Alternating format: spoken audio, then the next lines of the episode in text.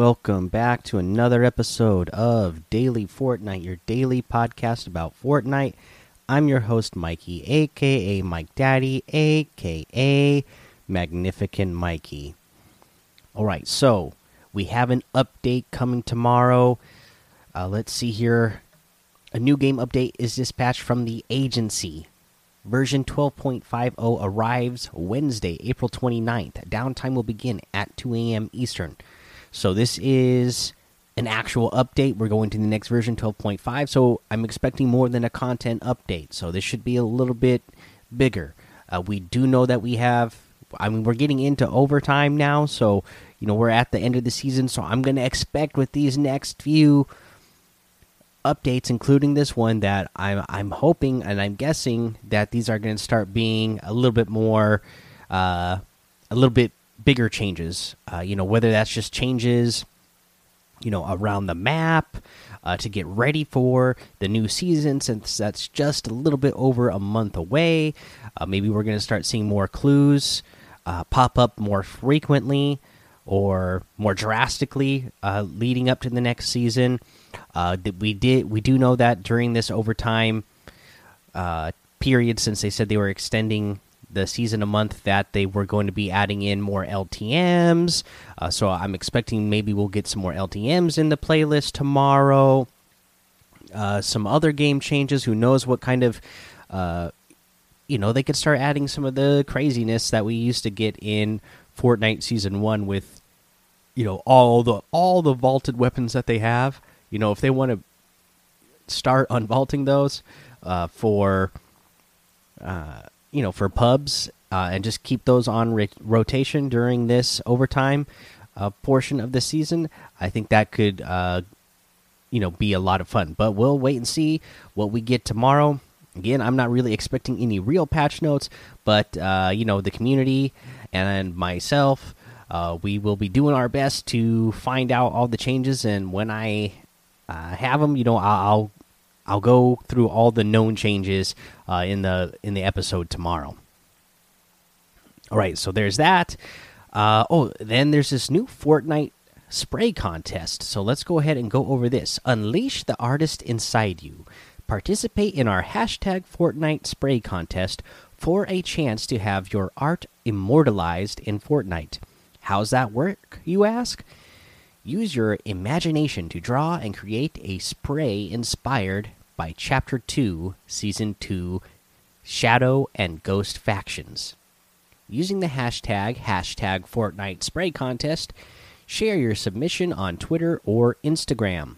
The, the contest begins April 27th, so that was actually yesterday at 10 a.m. Eastern and will run until May 3rd at 9:59 a.m. Eastern. All entries must be submitted during the contest period.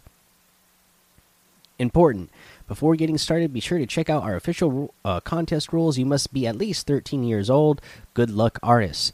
And again, uh, I'm not going to go through all the entire list of rules, but uh, as I said here, you do need to be 13 years or older, and you don't have to make a spray paint for this contest.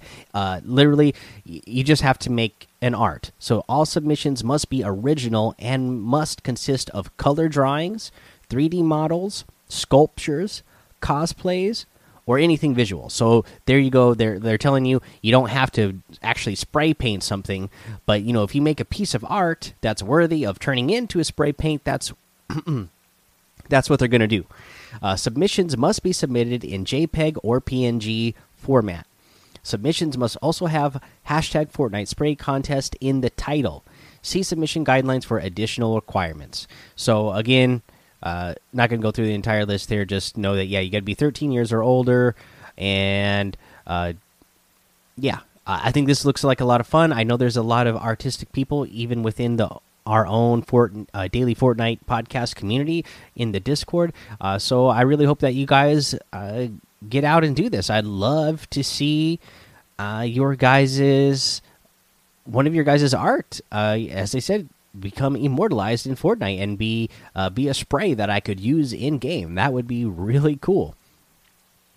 Okay, so let's see what else we got here. Uh, that's all I got for news. So let's do a challenge tip. Uh, this is the one where you need to deal damage to uh, players or a henchmen at the yacht and the agency in a single match.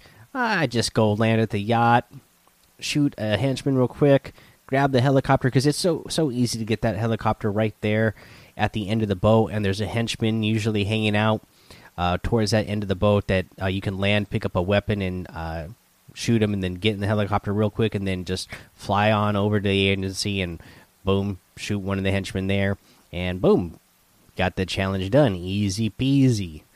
All right, let's go ahead. We're going to take a break here. We'll come back. We'll go over the item shop and our tip of the day.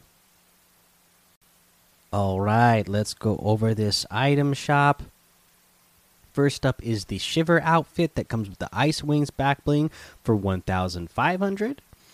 The Frost Blade harvesting tool for 800. We have the Bubble Bomber outfit that comes with the Bubble Blast back bling for 1,200. I really like this one. The Bubble Popper harvesting tool for 800. The Bubbly Bombs wrap for 300.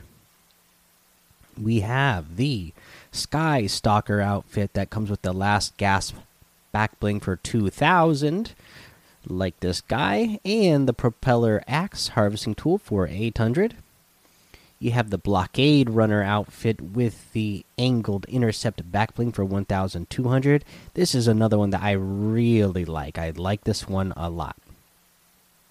Uh, love the verge outfit for 800 you have the full tilt emote for 500 the Shadow Spar emote for 200, the Breakin' emote for 800, and the Sexy Groove music for 200. One of my favorite musics in the game. You can get any and all of these items using code MikeDaddy M M M I K E D A D D Y in the item shop, and some of the proceeds will go to help support the show. All right, so let's get into our tip of the day. Now, for this tip, it's all about writing stuff down.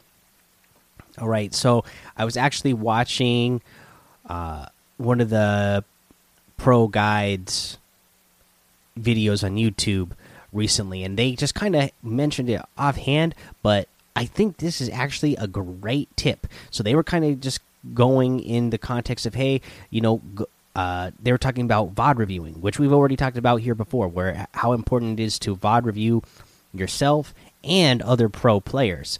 Uh, and I'm going to definitely emphasize the fact of what they said here as just like a little passing thing, but write things down, take notes.